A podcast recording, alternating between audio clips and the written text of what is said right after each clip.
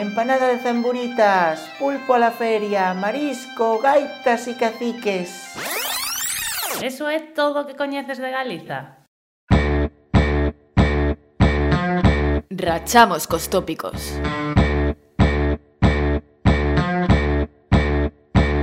Somos herdeiros dunha dictadura cultural Fomos as víctimas dun ataque brutal Actualidade, feminismo, música, literatura, historia regueiza e moito máis. Roma Toma, toma, toma Benvidas a Ireki Gaiola, o espazo galego de Bilbo Iría e Racía. Rianjo Sanjenjo Vivero La Guardia Órdenes Buen muerto Puerto sin Puerto son Dime cantos son Son un, dos, tres Catro Cinco Seiscentos anos de represión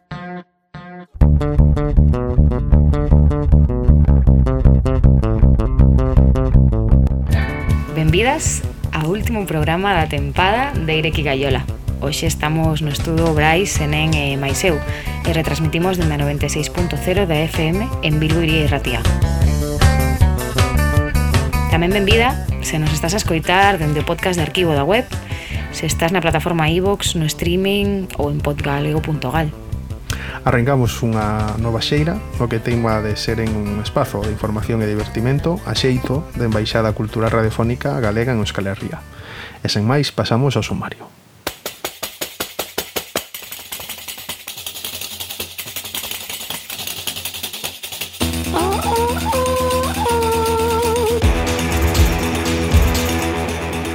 Hoxe pechamos tempada de Ireki Galloro, cun programa cheo de cultura, literatura e innovación, Comezamos entrevistando o experimentado fotógrafo documental galego, Delmi Álvarez, co que falaremos sobre a súa ampla trayectoria, sobre o seu traballo en torno aos procesos migratorios, a diáspora, os seus comezos. A seguir, falaremos coa escritora Antía Yáñez, que vende publicar a súa última novela Non penses nun elefante rosa, en galego, catalán e castelán a vez. Deste último libro, que ten como tema principal a xeración millennial e a saúde mental e da súa trayectoria conversaremos. Por último, coñeceremos aos rapaces do Colexio Diocesano de Lugo que acaban de gañar o premio da décima edición do Eluyar Chencha Soca, celebrado a pasada semana en Vigo.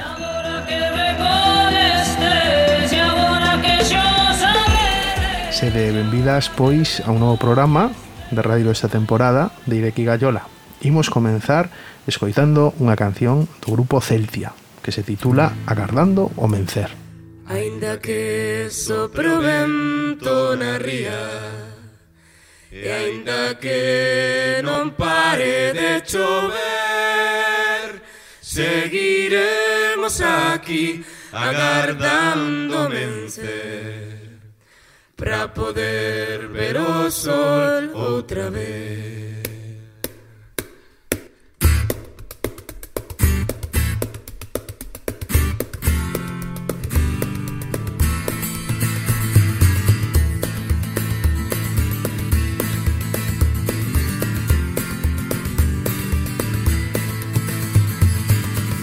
Sopra o nordés Pola eira do camiñar Parece non ter final Este tempo do revés.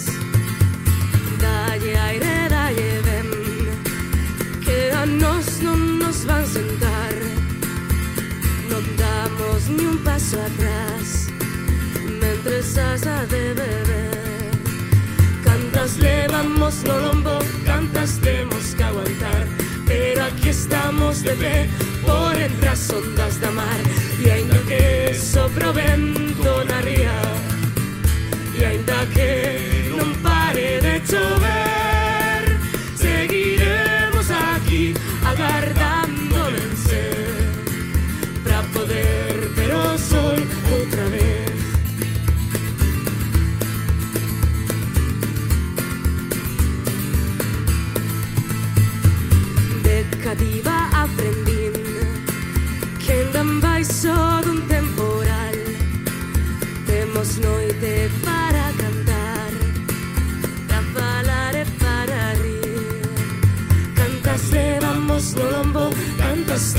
que aguantar Pero aquí estamos de pé por entre as ondas da mar E ainda que sopro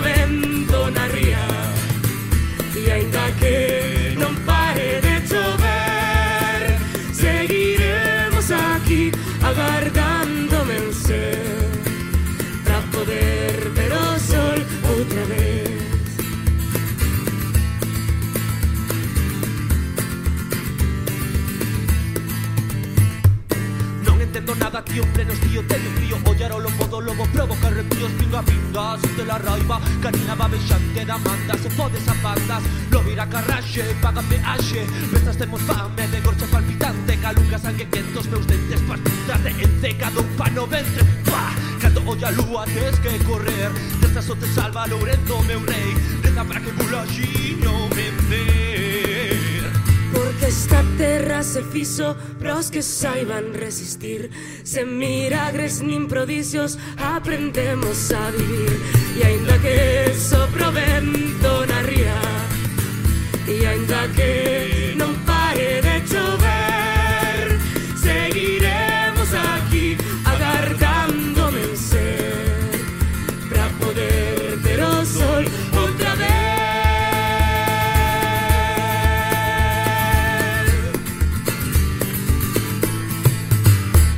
Ola, son García MC e eh, quero mandar un saúdo moi, moi, moi especial para Ireki Gaiola. Así que xa sabedes como é eh, Ireki Gaiola. Delmi Álvarez naceu en Vigo o 8 de xullo de 1958. É un fotógrafo documentalista galego. Comeza traballando como fotoxornalista no 83 para a nosa terra, para a región, para el país e para o Diario de Galicia e dende entón ten documentado centos de acontecementos en todo o mundo, con especial atención aos conflitos sociais, as guerras e os movimentos migratorios. E no 87 cando acada o premio Fotopress por instantáneas. No 1990 e no 91 estivo en Cuba desenvolvendo un proxecto fotográfico Cuba, el último bastión, la lucha de un pueblo, co que acadou de novo o premio Fotopress. Tras a cobertura das guerras yugoslavas durante os seguintes 20 anos, desenvolve un proxecto Galegos na diáspora, e ata o 2009, fotografando personalidades da diáspora galega. Foi editado pola Secretaría Xeral da Emigración e presentado na Library of Congress en Washington e na Universidade de Nova York, ante todos os emigrantes galegos que, que viven nesas cidades. Porén, o libro non recibiu toda a atención que merecía na Galiza. Sobre a diáspora, tamén realizou tres documentais en coproducción coa Televisión de Galicia, O rei galego de África, A última fotografía e Galegos da Guayana venezolana. Posteriormente, filmou Fuga de cerebros sobre a vida de catro parellas de científicos galegos na diáspora en Colonia, Alabama, Estocolmo e París. No 2012 funda o proxecto Photojud para nenos con discapacidade, problemas económicas ou familiares, apoiado por unha bolsa da Unión Europea. No proxecto participaron máis de 200 nenos, profesores e escolas de cidades de Letonia e Rusia. Entre elas unha escola con nenos con disfunción eh, variable de CEUS. Non? Así, as imaxes finais do proxecto exhibíronse nesas cidades, en Bruselas, ademais de publicarse nun libro.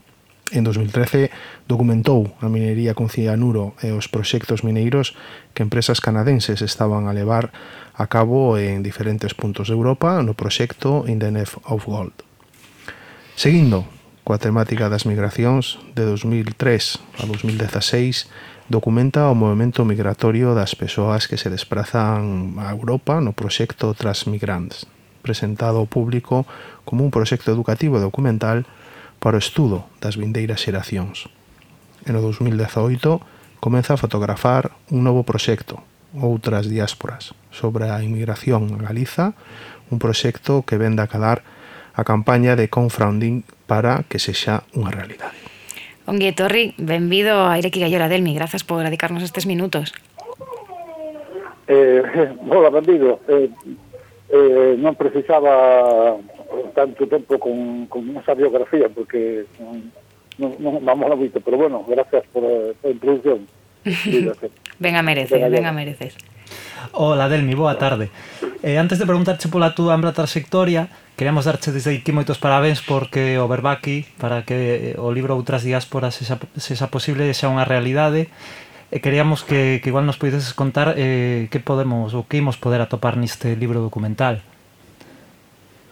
Bueno, pues eh, eh, otra, o libro Outras Diásporas é eh, un proxecto, digamos, de xente que ven a Galiza a pois, a vivir, non?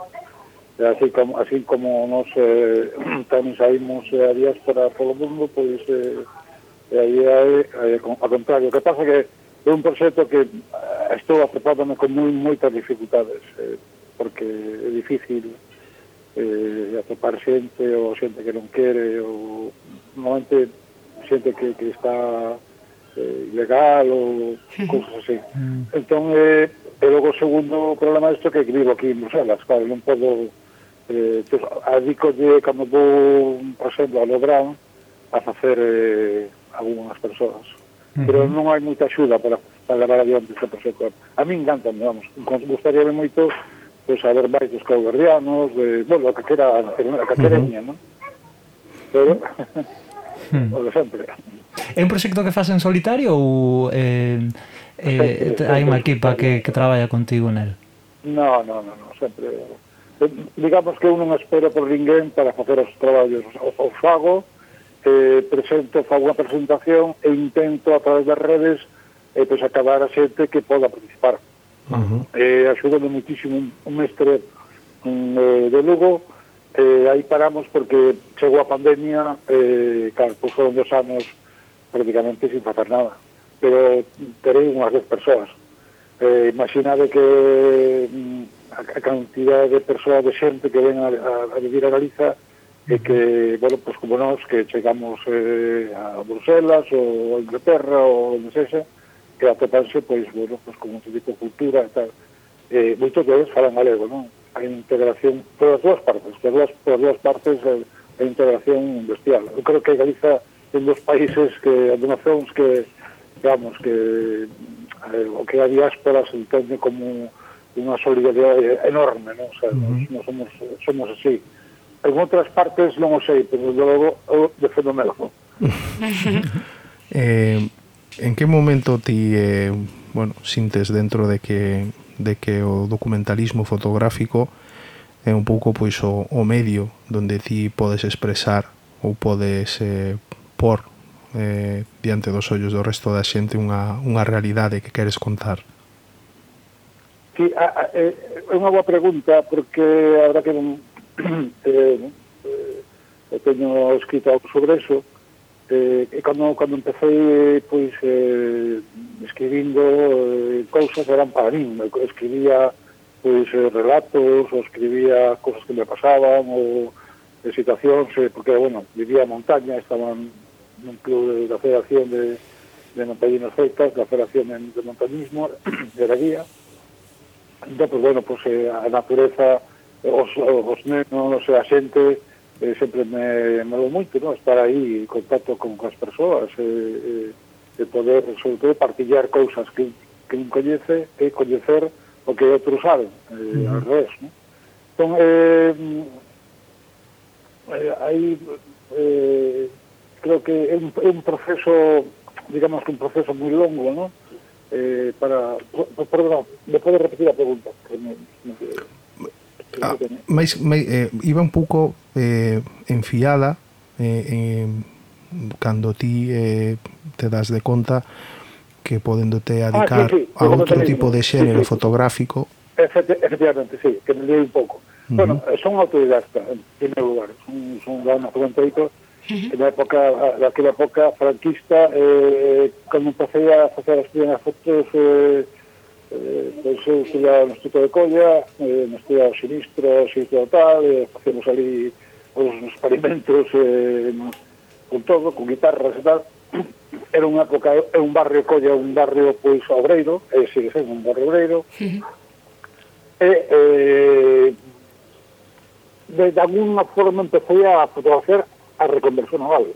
Uh -huh. Digamos que foi ese foi a, o, o inicio de todo, ¿no? a, eh, a, a documentar, a, a fotografar para escribir para, para lo que acontecía, pero realmente eh, non tiña ni idea do que estaba facendo, o sea, fotografaba de unha forma moi antropolóxica, porque non sempre me gustaba a antropología, de feito entrei a estudiar antropología, pero parei polas miñas, miñas fillas que naceron, e sempre me gustou eh, ter un certo orden, ¿no?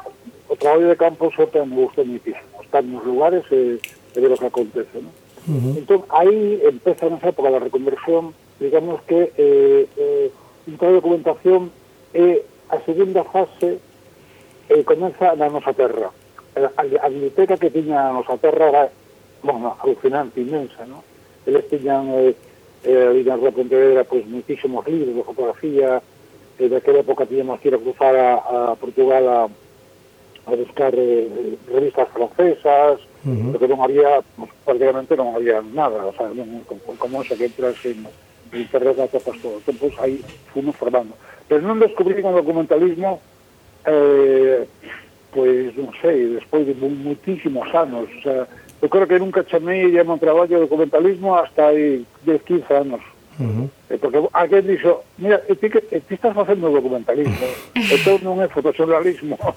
e digo, ah, sí, sí, claro, estás documentando, claro. Entón, eh, tamén foi, foi un pouco eh, a fotobienal, a fotobienal eh, Sandón eh, Liris, o canal, pois eh, foron os que tamén eh, burraron un pouco eh, de traballo, ¿no? Porque eles tiveron moita máis preparación como mestres, ¿no? Uh -huh. Entón, eh, me orientaron moitísimo, eh, Pero, bueno, ese, ese, eso do documentalismo eh, apareceu despois de moitos anos, non coñecía ni a Cartier-Bresson, coñecía a Jane Smith, coñecía, coñecía a Salgado de, de, de Carambola, pois porque Lilís eh, Sol, Sol Sandón o trouxeron a Vigo para por un tema que estaba facendo un libro de traballadores. Uh -huh. eh, e, bueno, pois, como falaba o portugués e tal, pois estuve con él, e, e bueno, pois, vamos, unha, unha persona maravillosa, non? Ela, ela, ela é máis eh, a muller, eh, pero, pero, vamos, documentalismo, así que me valvido, digo che que eh, entendo agora que, que estou facendo eh, pues, eh, non comenteira antropología. Uh -huh. ahora, entendín que que era, bueno, pues, que era outra cousa. Ah. Máis serio, non?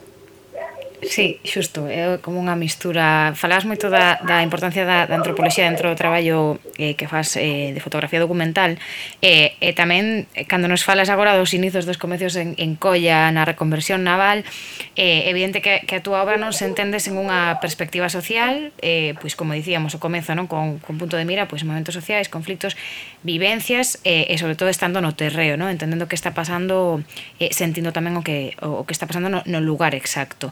Ti crees na capacidade da, da imaxe, da fotografía, como ferramenta de transformación social? Eh... A ver, sí, claro, claro. É como a música, como a música, como a literatura, como, en fin, eh, eh, eh a, a fotografía ten, eh, eh ten una, pode ser un icono, ¿no? Uh -huh semióticamente eh, pode, pode decir moito. Outra cousa é, eh, digamos, como se diga en inglés, o background, no? a, a, a, a porta atrás que ten ese creador e que vai facendo o tempo. Porque son moi contrario eh, sempre eh, eh decíades o, o de Fotopress. Bueno, o de Fotopress solamente un inciso. Uh -huh. O de Fotopress, o, fuixen, o de Cuba, fuixen indo a Cuba, pois que pois con os cartos, de facer eh, bodas, eh, bautizos e cousas destas, eh, marchei para lá, con un pouco de cartos e tal, estive ali, e, eh, bueno, pois, pues, cando cheguei a Vigo, levei sí. as fotografías a Barcelona, as amosei en Barcelona e ninguén lles gustaba. Entón, eu seguí facendo traballo no 93 de, eh, sobre a diáspora en Asia, e meu irmán colleu, enviou as fotos ao, ao, a este fotopress eh, enterei ali en Australia de que estaban buscándome e eu estaba pues, perdido. Pues, así, así foi a anécdota. E, eh, eh e, e chamei e dixen, mira, eh, cando é que pagades? Cando, cando dades os cartos? Eran 6.000 euros, exactamente. 6.000 euros, un millón de pesetas, 6.000 euros, máis ou menos. Uh -huh. E foi así, non? Entón, eh, claro, eh, creo que sí, que que a fotografía, bueno, o fotodocumentalismo, a fotografía, uh -huh. ten que ter unha ollada de autor. Sí. Eh, a persoa ten que, eh, a ver, ten, ten que ter esa cousa, decir, pois, pues, a ver, leer un poema, poesía, ten que, a fotografía ten moitas cousas, eh? Por exemplo, non fotografío para, para mí, o digo para os demais, uh -huh. o, o fago para mí. Eh, además é que estou totalmente aillado Dicía, si, si, si a foto se gusta ou non se gusta, a mí me da igual. O sea, home, efectivamente, eh, son moi autocrítico, moi uh -huh. autocrítico. De feito, eh, ora sai a terceira edición de Galego na Diáspora, eh, que eh, conseguimos acabar aí 1.500 euros para facer a terceira edición, 45 mecenas, e, eh, eh, bueno, pois eh, foi moi difícil conseguir eso.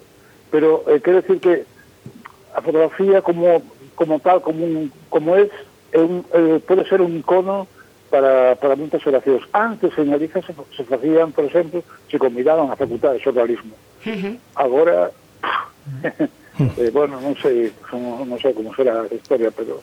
Eh, bueno, por lo que sei, non convidan a ninguén, ni para falar, ni para expandir uh -huh. o teu traballo, porque bonito é partillar o traballo. ¿no? que ti partilles ese traballo, compartas as cousas e eh, eh como as fadas para que o, os demais podan ter un punto de vista uh -huh. non, o, non un rollo mesiánico que, ah, temos que seguir aquí a, a Sebastián Sagao temos que seguir a tal tal, non, non, non.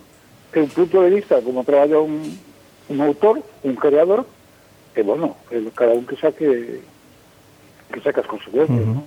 claro Igual E o que dicía es que agora non convidan a, as facultades igual e tamén polas, pola dinámica na que, na que tornou en xirar o, o, o, o aparato mediático, as novas, o papel que se lle dá, a importancia que se lle dá eh, bueno, a ser corresponsal, a cubrir, unha, a, a cubrir un conflicto, un movimento, a estar eh, o que falábamos da importancia das imaxes como ferramenta informativa de transformación social eh, e todo este, este traballo que, que ti comentas de importantísimo eh, estáse perdendo, igual polas dinámicas actuais da, da, dos media. Certo, moi certo. Eh, perdona, tu nome era Iria ou Iris? Que Iris, non eu son Iris. Iris, Iris. Eh, certo, levas toda a razón. Eh, mm, eh, bueno, pois... Eh, estás vendo que, por exemplo, Ucrania uh -huh. é unha guerra que, que está aí, que sabe há moito tempo, e, bueno, pois non hai eh, moitos fotosurrealistas, non?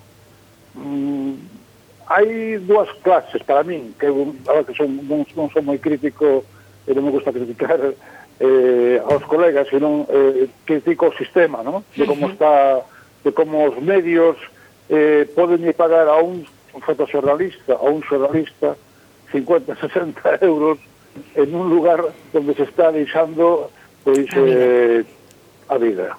O sea, non, non, claro, prefiren coller a alguén con un eh, teléfono tira unhas fotos o, esa, esa fotografía non ten base, non ten eh, unha ollada moi concreta eh, eh, a información inclusive pode ser super alteradísima, porque sí, pode saltar unha imaxe o señor de calquera maneira entón, uh -huh. se está perdendo efectivamente se está perdendo eh, eh, toda esa o que o fotosolarismo de conflicto, ¿no? de conflicto porque non, non, é, non é preciso de sair aí marchar unha guerra, é que o temos hemos lado. Sí. si, si ti consigues facer unha historia con 12, 15 fotos xa está. É que ese é o tema xa conseguir facer unha historia con 12, 15 fotos. Hmm. en branco negro ou en cor ou como ti queiras. Pero si, si, o, si o consigues si o faz si a tua, si tua educación visual é ten unhas referencias da historia da fotografía clásica, porque hai muitísimos fotógrafos, muitísima historia eh, da fotografía clásica da que temos que aprender e que eu sempre estou revisando, teño unha librería aquí en Vigo, sempre estou dando libros. Estou aprendendo todos os días e encantame ver o que fan eh, outros eh, pois, eh, eh no Instagram ou, ou tal, eh, gostame moito. Non é por copiar, sino que eh, é un deleite, non? O sea, decir, hai xente que, hai moita xente nova, muitísima xente nova, muitísima xente nova que quere eh, asistir, eh, eh, escoitar, sobre todo escoitar a, a, a, a fotógrafos que, eh, que bueno, pues tuve unha experiencia. Que pasa? Joder, pois, pues, eh, é que che cobra mil euros por portar unha, un obradoiro. Claro. é imposible, que te mil euros xa nin se pode pagar os autónomos como como vamos a, como un rapaz unha rapaza vai pagar mil euros por un canto imposible non? Claro. vai tamén que romper moitos eh, moitos muros no? Eh, de, de moitos ideales porque cando vas a unha facultade onde sea explicar tens que explicar a realidade de ese oficio que, que ten as súas cousas non? é ah, sí, que a, a, a, a, a, a, a, a, a, a, a, a, a, a, a, a, a, a, os uns, uns hotéis estupendos, tal. Mentira. Claro, Mentira. está moi alonxado eh, do que se vive eh, coas, mm. coas ferramentas que, que temos, coas, co que logo te atopas tamén no mercado, etcétera eh, Delmi, un amago porque nos estamos a quedar a quedar sen moito tempo, a verdade que temos bastantes preguntas no, no ah. tinteiro eh, ah. pero vamos a ir directamente a unha que facemos eh, eh, habitualmente as persoas que que, que pasan polo, polo programa e que, e que tamén nos gusta facer a ti. Eh, a pregunta é, pois, cal sería a, a perspectiva eh, eh, para ti do que, do que é a, a galeguidade, como a definirías? A galeguidade? Pero sí. sí. falando da, da diáspora ou... Como ti queira escoller a palabra en función da túa experiencia, sí. esta pregunta non ten unha resposta correcta. Eh, tendo en conta a túa, a túa experiencia vital e o teu contacto eh, con Galiza coa, coas migracións, coa galeidade, que é para ti a galeidade? Bueno, a galeidade eh, eh, eh os galegos temos eh, galegas e galegos temos unha idiosincrasia única no mundo. non, non hai outra igual. Eh, somos eh, diferentes no sentido de que eh, bueno, pues eh, se estamos sempre moi aillados onde, e eh, moi sometidos por, pero loitamos contra o, os, a colonización esa que hubo, que hubo que sigue sendo que o centralismo ¿no? da España e tal entón, eu penso que eh, a galeguidade existe o que pasa que eh, bueno, pues estamos vivindo nos, nos momentos eh, que particularmente eu personalmente non hai non hai unha definición política uh -huh. eh, tiña que ser moito máis radical e perdade a palabra o sea, non, no, no radicalismo de eh, digamos eh, de violencia sino radical no sentido de que eh, hai que deixar que outras persoas xente nova eh, que ten muitísima preparación darlle oportunidade de todos os partidos eh, e sobre todo loitar contra a ultradereita porque o avance da ultradereita é unha pasada. Isto é, é increíble entón, creo que a galeguidade está aí, existe pero está dormida, non? penso que está como que a xente non sabe que facer. Pagan autónomos, pagan isto pero claro, que, é que se digo algo eh, eh, dame decir que non sei que que non me van dar traballo o sea, hai un medo pero a realidade Non sei se respondín a, esa, a, a vosa pregunta, pero sí, a, totalmente. a realidade existe, hmm. por supuesto que existe, claro que existe. Nos somos un pobo eh, universal, eh, ali onde estamos, eh, igual que os portugueses, damos todo, pero hai un momento político na Galiza que está eh, terriblemente mal. Eh, bueno, sí, quedamos un pouco con, con iso, ¿no? como dicía Pondar, que a Galiza ten que despertar do seu sono tamén, non? Eh, efectivamente, claro, claro. Quen, quen vai despertar ese... Eh, pois pues, ten que ser, ten que haber un movimento, ten que haber un momento dado alguén, algo, que, que, que vamos hasta basta, punto, eh, xa, non sei, a verdade é que non nos podemos comparar con, con outros, eh, con outras eh, nacións, porque nós temos a nosa, para nós, a nosa cultura é a lingua. A lingua é o principal eh, digamos, fío, ¿no? Para, para facernos diferentes mm, con respecto a eh, esa colonización que sempre que, eh, ah, es que eres un paleto, que eres gallego, eres gallego. Bueno, siga, siga por aí, siga por aí, vaya por la derecha que, que vai ben. Entonces, non, o sea, eh, a realidad existe. Pero tampouco podemos, porque eu xa mellor me estou escondendo moito e eh, non eh, tampouco soy protagonista deste. Non te preocupes. Eh, como te dicíamos, todas as respostas a esta pregunta son, son correctas e todas son moi diferentes, pero creo que todas, ao longo das todas as que vimos neste programa, se poden ir agrupando eh, e facendo unha resposta bastante bastante bonita. Cortas, tú cortas, logo.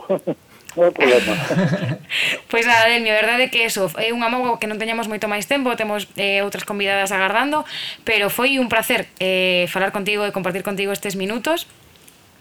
E queremos despedir eh, eh, queremos despedir esta entrevista eh, co grupo que, que nos pediches para fechar o programa que son os sempre eternos eh, Siniestro Total. Contanos por que, por que queres que escoitemos Miña Terra Galega. Ah, que, que, vos, que vos diga por que quero que escoitemos eso. Claro, ao noso público. Por ah, que, bueno, pues, por que esta eh, canción? No, bueno, porque, a ver, eh, que nós estudiamos ali en Colla, en nos baixos de Colla, que eran, además que eran os baixos moi baixos, pues eh, eh, ensayaban ali, eh, éramos eh, catro litroneiros que éramos os que aplaudíamos, entón, eso que a, le, a letra, a ver, o sinistro total, é un movimento social máis que outra, ou que outra cousa, tanto como a literatura, a fotografía, que marcou unha época, e non hai máis. Entón, uh -huh. eh, eh, esa letra eh, pues, define moitísimo, ¿no? moitísimo, moitísimo. De feito, eh, se dice a Julián que, que ten que facelo en Vigo ou en Galicia, en toda parte, porque facelo en Madrid non, non, non mola moito. Pero eh, a min gusta moito letra.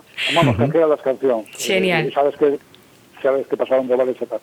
Efectivamente. Bueno, pues un placer. Eh, moitísimas gracias por, eh, por, por, por a vosa oportunidade. Eh, aquí estou, cando queirades... Eh, pois, eh, pues, a vosa a disposición. Efectivamente, contamos contigo, Delmi. Eh, e nada, vamos escoitar, pois, eh, que te nos dís, o tema máis eh, migrante, máis teo de Morriña e tamén teo de, de Loita e o que ti dis. Sinistro Total tamén ten unha gran historia eh, a documentar e documentada. Escoitamos Miña Terra Galega. Dalle lume, Ivón.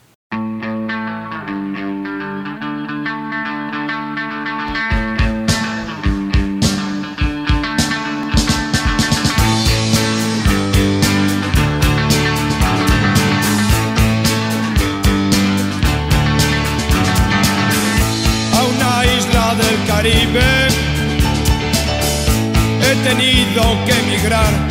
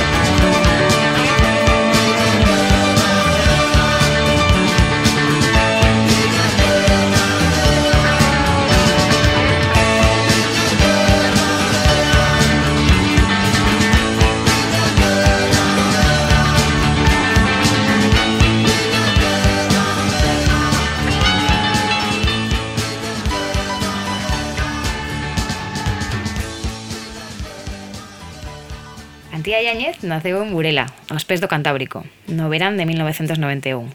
Unha lectora dende ben pequena que fixo da escrita parte da súa vida adulta. Ainda que é enxeñería de camiños, canles e portos pola Universidade da Coruña, non exerce como tal. Combina actualmente o seu traballo de escritora eh, coa xerencia dunha academia en Cecebre, en Cambre. Como narradora, comezou escribindo relato curto, ámbito no que gañou premios como Os Viaductos, O Xaime Illa Couto ou o Certame Literario de Cambre, eh, no ano 2016 dá o paso a novela infantil. E publica a Editorial Galaxia O Misterio de Portomarín que ten a súa continuación en O Misterio do Torque de Burela. En 2018 gaña o premio Illanova de Galaxia con Senlleiras eh, o seu debut na novela para adultos. E o primeiro premio Fina Casal de Rei de Literatura Infantil pola igualdade de Bahía Edicións grazas ao cal ve publicado o seu primeiro álbum ilustrado, A Reconquista. No 2019 publica Big Water, novela green punk juvenil finalista do Premio María Victoria Moreno de Literatura Juvenil, baixo selo de Urco Editora. E no 2020 chega ás librerías cunha nova novela infantil titulada Plan de Rescate, co que acada o terceiro premio de Igualdade Agustín Fernández Paz. Tía Yáñez acaba de publicar eh, no comezo de 2022 a súa segunda novela para adultos, Non penses en Elefante Rosa, publicada no mesmo tempo en lingua galega, en catalán e eh, lingua castelá. No que a escritora fala de como ser millennial adulto e da saúde mental. Eh, benvida, Antía Ireki Gallola, gracias por dedicarnos estes minutos eh, para conversares con nós. Hola, graciñas por convidarme. Eh, agora mesmo estás en, en plena xira de presentación do teu último libro Non penses nun elefante rosa que é unha novela actual sí. eh, fresca na que se aborda a vida millennial eh, no que hoxe vertebrador é a saúde mental eh, Podenos contar un pouco que, que pode atopar o lector ne, neste libro?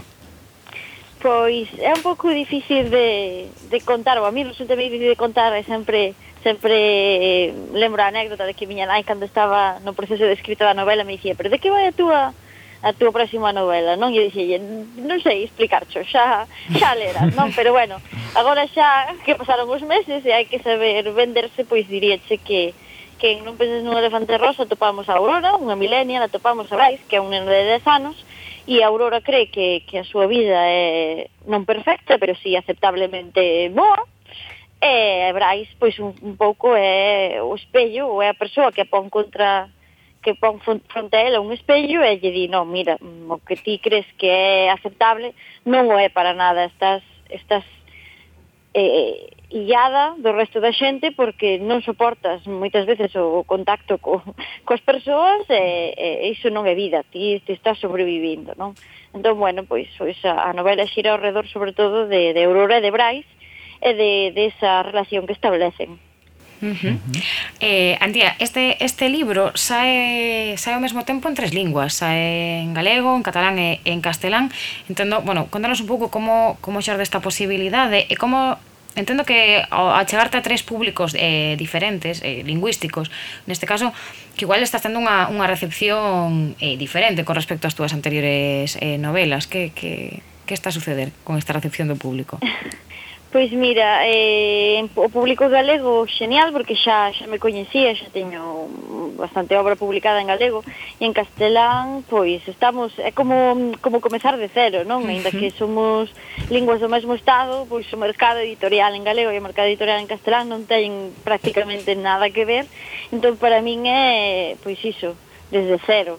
Eh, en catalán coñezo menos, porque sí que fixo máis máis actos eh, en, en lugares castelán falantes que catalán falantes, pero bueno, uh -huh. é certo que fun ao San Jordi, é unha das cousas que, que me fixo moita ilusión de San Jordi que, que algunhas librerías que, que só venden libros en catalán, pois pues, apostaron por por o elefante me convidaron a ir ca, ca versión en catalán, non? Pois uh -huh. Iso para mí foi moi moi gratificante, pero chama moita atención que, aínda que iso son linguas do mesmo estado, son vasos que non se comunican prácticamente nada. Iso son vasos comunicantes non.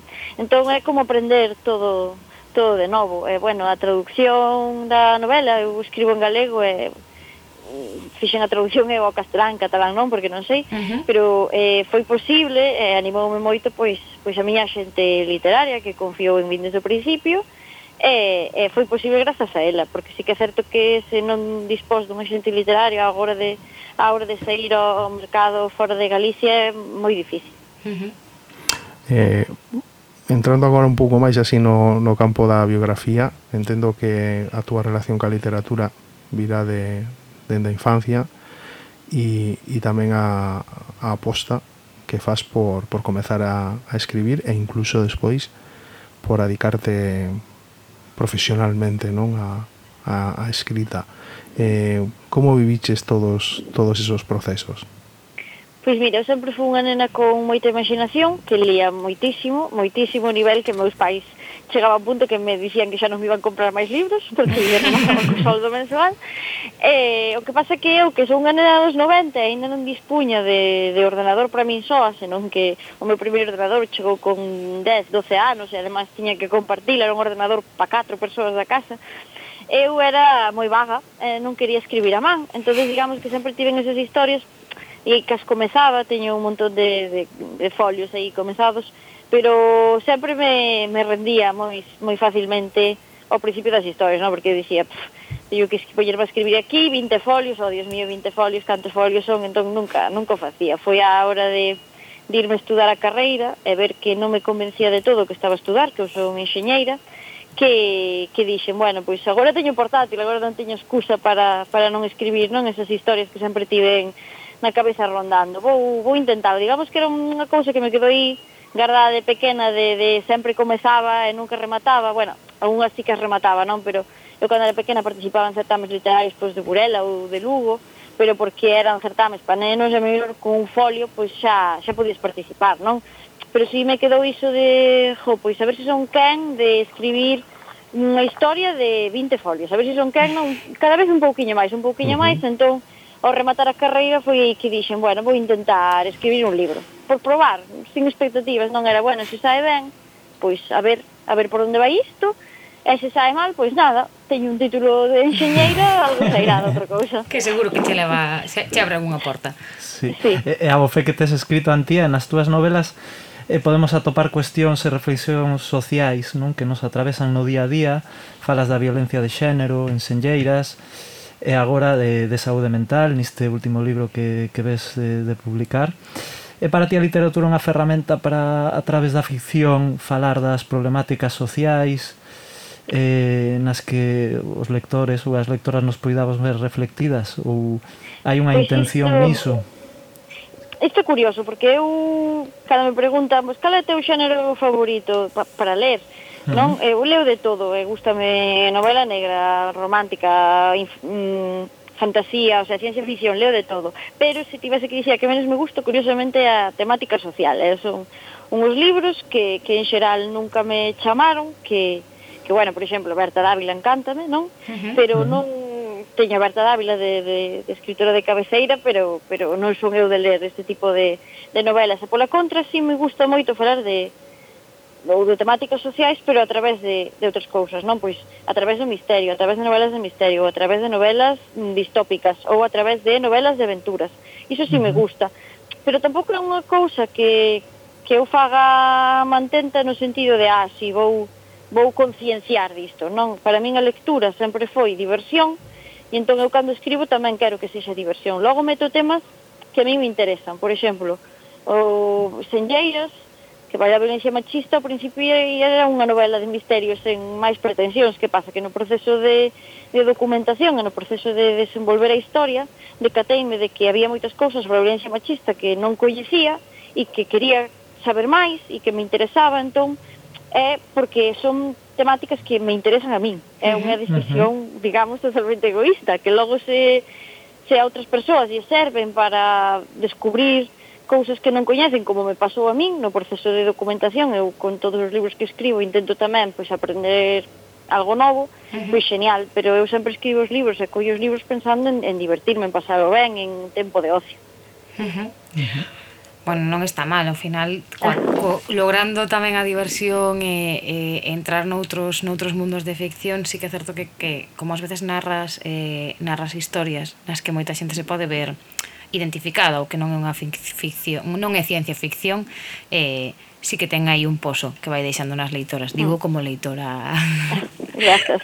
eh, Andi, a ti comezas a escribir, antes, como dicías, agora contábasnos eh, relatos eh, máis curtos eh, sí. elo, eh, máis adiante cando, cando xa comezas a presentarte a, a concursos eh, gañas premios como os viaductos no 2014 no 2017 o Xaime Couto no, no, no 18 Eh, que supoñen para ti e para a túa carreira estes premios? Quero dicir, eh, entendo que agora que te dedicas a escrita profesionalmente, na que compartas co, con outras tarefas, eh, axudaronche a seguir nese camiño? Pois os premios ao comezo eran como como eu, eu buscaba en Google. O sea, eu os premios que participaba poñía en Google certame literario poñía a participar porque eu cría que, que iso me iba a dar, me iba a dar de comer que non mo dá só a escrita, pero sí é unha gran fonte de ingresos hoxe en día, non? Eu cando comecei, lembro que o primeiro premio que, que gañei sendo adulta, Uh -huh. eh, me deron unha caixa de conservas de ría que iba toda feliz que a miña lata de, de sardinillas pero era como a constatación de que algo que saía da miña cabeza pois podía materializarse en algo tangible, non? E que me leran e que considera, consideraran suficientemente bo como para darme algo a cambio, non?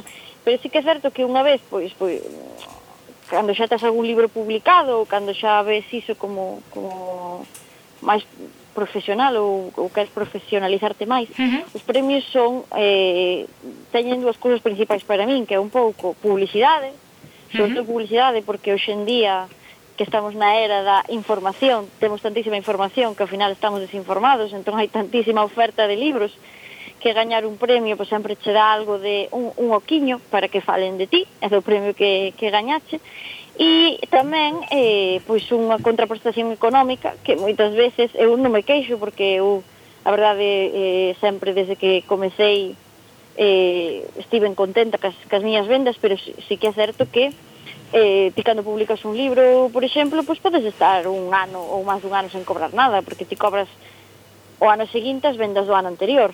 Entón, eh, se non tes, digamos, un fondo aí, non, non podes dedicarte a esperar os teus claro. dereitos. Entón, son as dúas cousas. Hai, hai moitas veces que eu que nunca me, me presentei así un, un premio que tivese unha concesión económica desorbitada, desorbitada no sentido de... Que te permita de vivir mil, solamente do premio. Claro, eh. 10.000, 15.000 euros, 25.000, non. Uh -huh. Nunca me presentei a, a nada así tan grande, pero sí que é certo que hai moitos autores que, que eu sei de, de primeira man, de falar, de falar con eles que din, mira, mm, eu é que se non me presento estes premios con esta dotación económica, o meu libro, sí, recibe críticas moi boas, pero non me dá de comer. Entón, realmente, mm, perdo cartas por escribir. Claro. Entón, tens que un pouco compaxinar ambas, uh -huh. ambas Combinar. Uh -huh. Ademais de traballar na, na academia na que estás en contacto con rapaces, a miúdo fas obradoiros de leitura e escritura, non? Estar uh -huh. en contacto con mocidade que con rapaces supoño que te nutrirá de mil historias e anécdotas. Eh, que, que sí, las, sí. Cual, quais aquelas nos podrías decir que te levan marcado máis? Pois, eh, pff, non te sei dicir ningún en concreto, pero eu sí que, que coido que non, non escribía tanto literatura infantil e juvenil se non, se non estivese en contacto con eles a diario. A mí uh gustaríame moito, porque me, ás veces sinto simplemente con as vacacións de verán, por exemplo, que non os vexo en dous meses, volven en setembro e eu digo, dios mío, desconecteime, xa non sei mm, que é o que está de moda, que lles gusta, de que falan, o sea eh, que cousas, sobre todo, que cousas lles interesan, non? Porque as cousas que lles interesan agora, moitas son as mesmas que me interesaban a min, sí. amor, chicos, chicas, mm, os estudos, e outras son totalmente diferentes. Entón, eh, eu sí que mm, me ensinan moitísimo a diario. Espero que eu a eles tamén, non? Pero moitas veces non somos conscientes do que os nenos e as nenas e os adolescentes nos ensinan a, a xente adulta. Uh -huh. Hmm. É unha maneira tamén de non estar de non desconectarnos da, das xeracións que veñen e do, do que están sí. a vivir.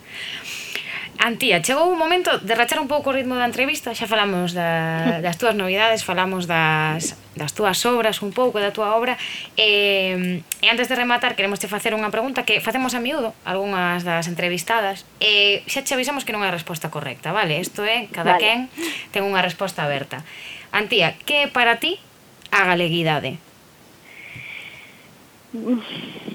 Mira, eu son eh, moito de, de, de non pensar as cousas, senón de, de soltalas eh, sen máis. Eu creo que a galeguidade é...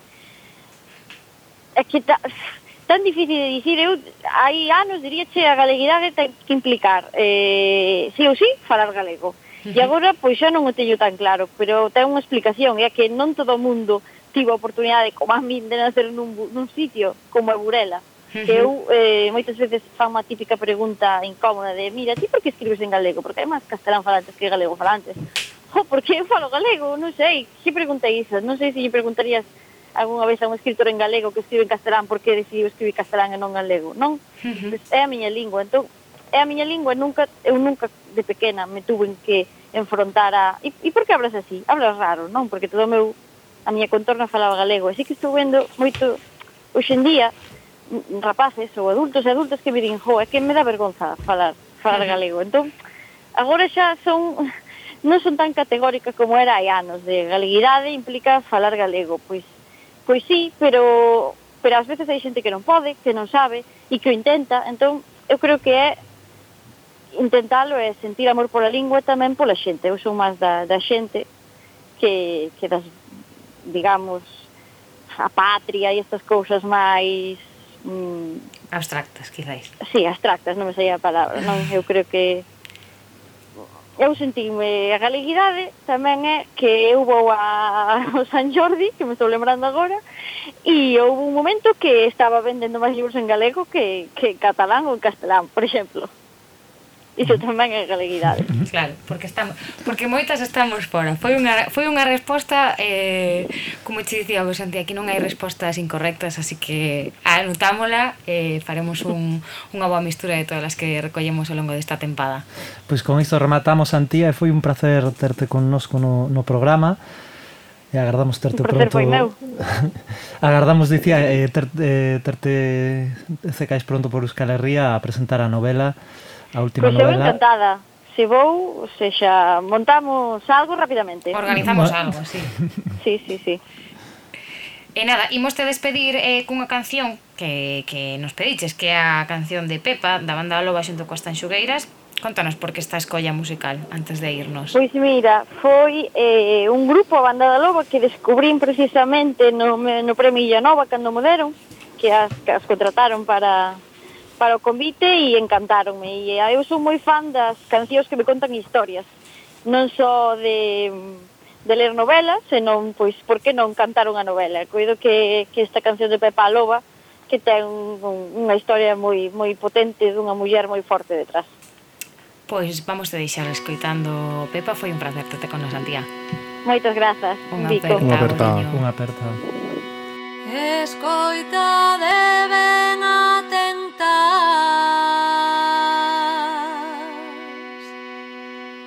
A historia que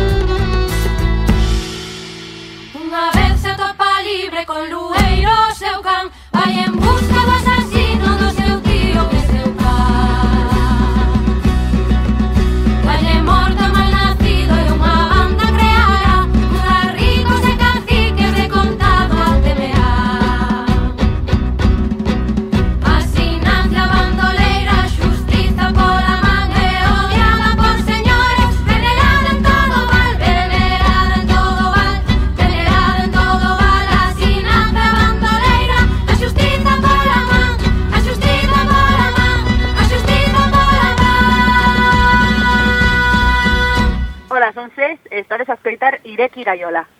A derradeira entrevista de hoxe, de hoxe chegou ao programa dunha forma un tanto fortuita, pero son das que merecen apenas ser explicadas, porque reflexa mellor que nada o espírito de Ireki Gaiola, un non senen. Pois sí, eh, casualmente estando na residencia universitaria Blas do Otero, aquí en Bilbo, escoiter falar galego e non puden evitar comenzar unha conversa con estos mozos que temos convidados. Eles son os gañadores da décima edición do Elullar Chenchia a Soca, que viñeron a ensinar o seu proxecto dentro do Colexio Diocesano de Lugo. E temos outro lado da liña telefónica a Iago e Pedro, que son os dous mozos que gañaron o premio, e máis a Miguel, o seu mestre do, do colexio. Benvidos os tres a Ireki Gaiola.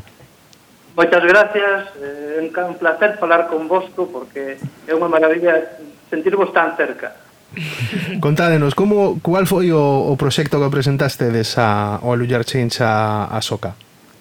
Pois o proxecto que presentamos era un lavamans eh, portátil que nos servía para persoas con mobilidade reducida uh -huh. eh, tamén para poder levar ao campo ou ensinar aos nenos xa dende pequenos a ter unha boa higiene de mans.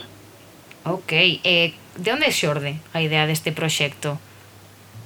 Pois bueno, eh, no noso ámbito do colegio e tamén da nosa familia, tiñamos a xente maior que, pois bueno, non podía ir ao baño ou tiña eh, certa certa dificultade para acceder a un sitio onde higienizar as mans.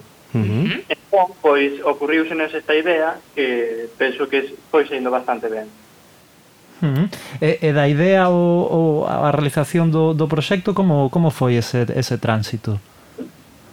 Pois a verdade é que tuvemos que empezar de cero porque investigamos un pouco e non atopamos ningún patrón, por así decir, o cal seguir, uh Mm. Entonces, os únicos que había eran industriales e ir a algo tan grande non era o noso plan.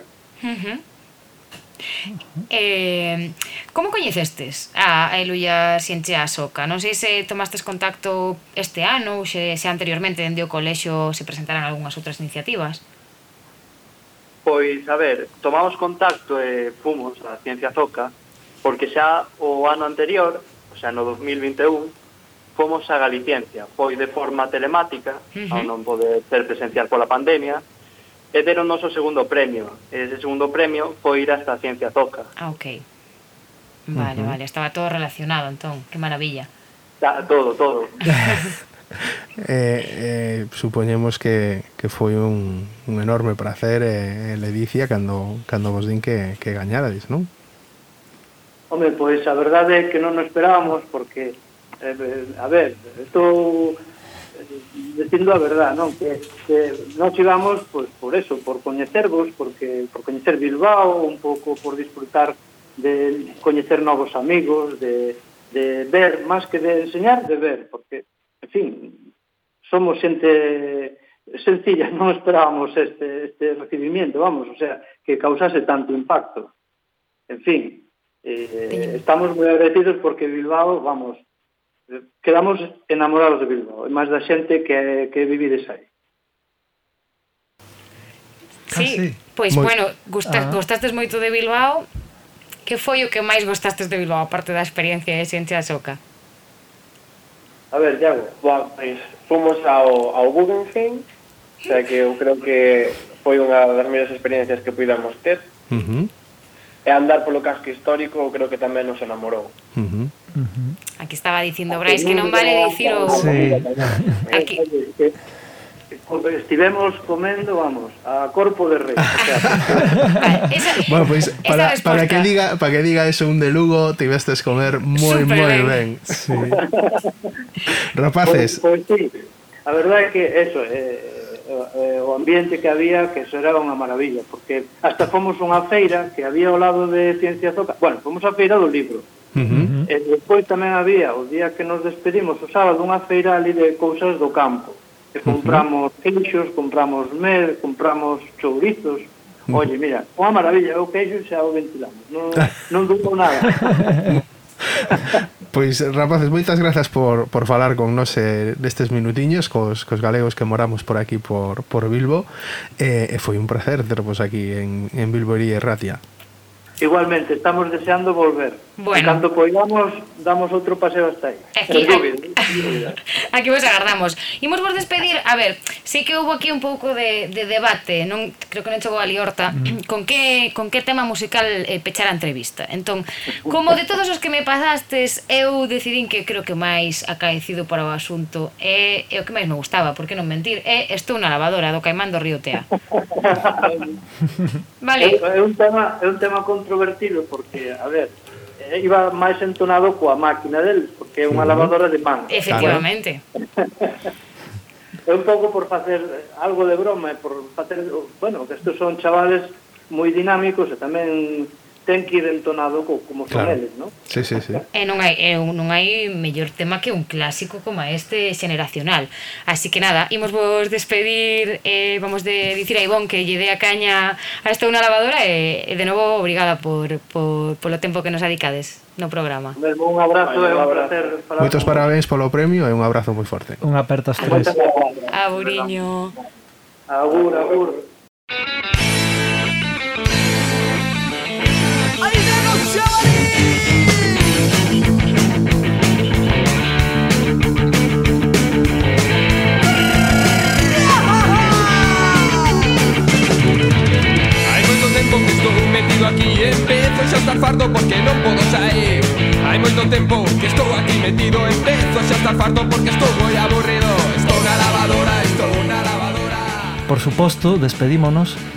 mas non sen antes agradecer a Ivón Burgoa que estivo no control técnico e a todas vos por estar máis unha vez connosco. Hoxe toca rematar a tempada. Chega a verán e Ireki Gaiola vai tomar unhas vacacións despois deste ano, no que tentamos ofrecervos pequenos anacos do mundo social e cultural galego a través da convidadas e convidados estupendos meu caso, quero vos dicir ata pronto, porque tócame despedirme de todas vos e tamén diré que Gaiola. Paso a convertirme nunha, nunha nova migrante retornada. Así que nada, foi un placer compartir con vos este espazo, Senem, Davide, Brais, Ivón. Vémonos na Galiza. O prazer foi noso por, por derte aquí con nos Iris Agardamos a mellor ventura para ti E convidámoste a que sigas a ouvirnos E a contarnos o que está o que se está a cocer na Galiza Nos seguiremos a partillar con vos este viaxe polo magma radiofónico que xunta aos nosos dous povos nunha rolar de verbas estreladas. E xa sabedes que se nos notades en falta estes meses de verán, podedes escoitar os podcasts de arquivo na web de Bilbori e Ratia, na plataforma iVox, ou na web de podgalego.gal. Aguriños. Unha aperta. Beixiños. Adeus. Agur, agur.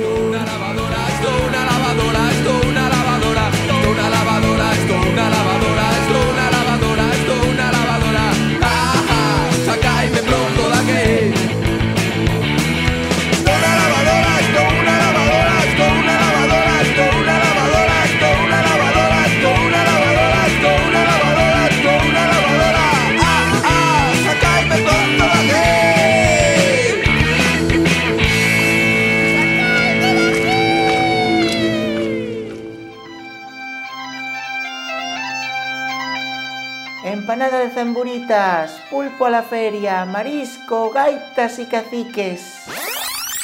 Eso é todo o que coñeces de Galiza? Rachamos cos tópicos.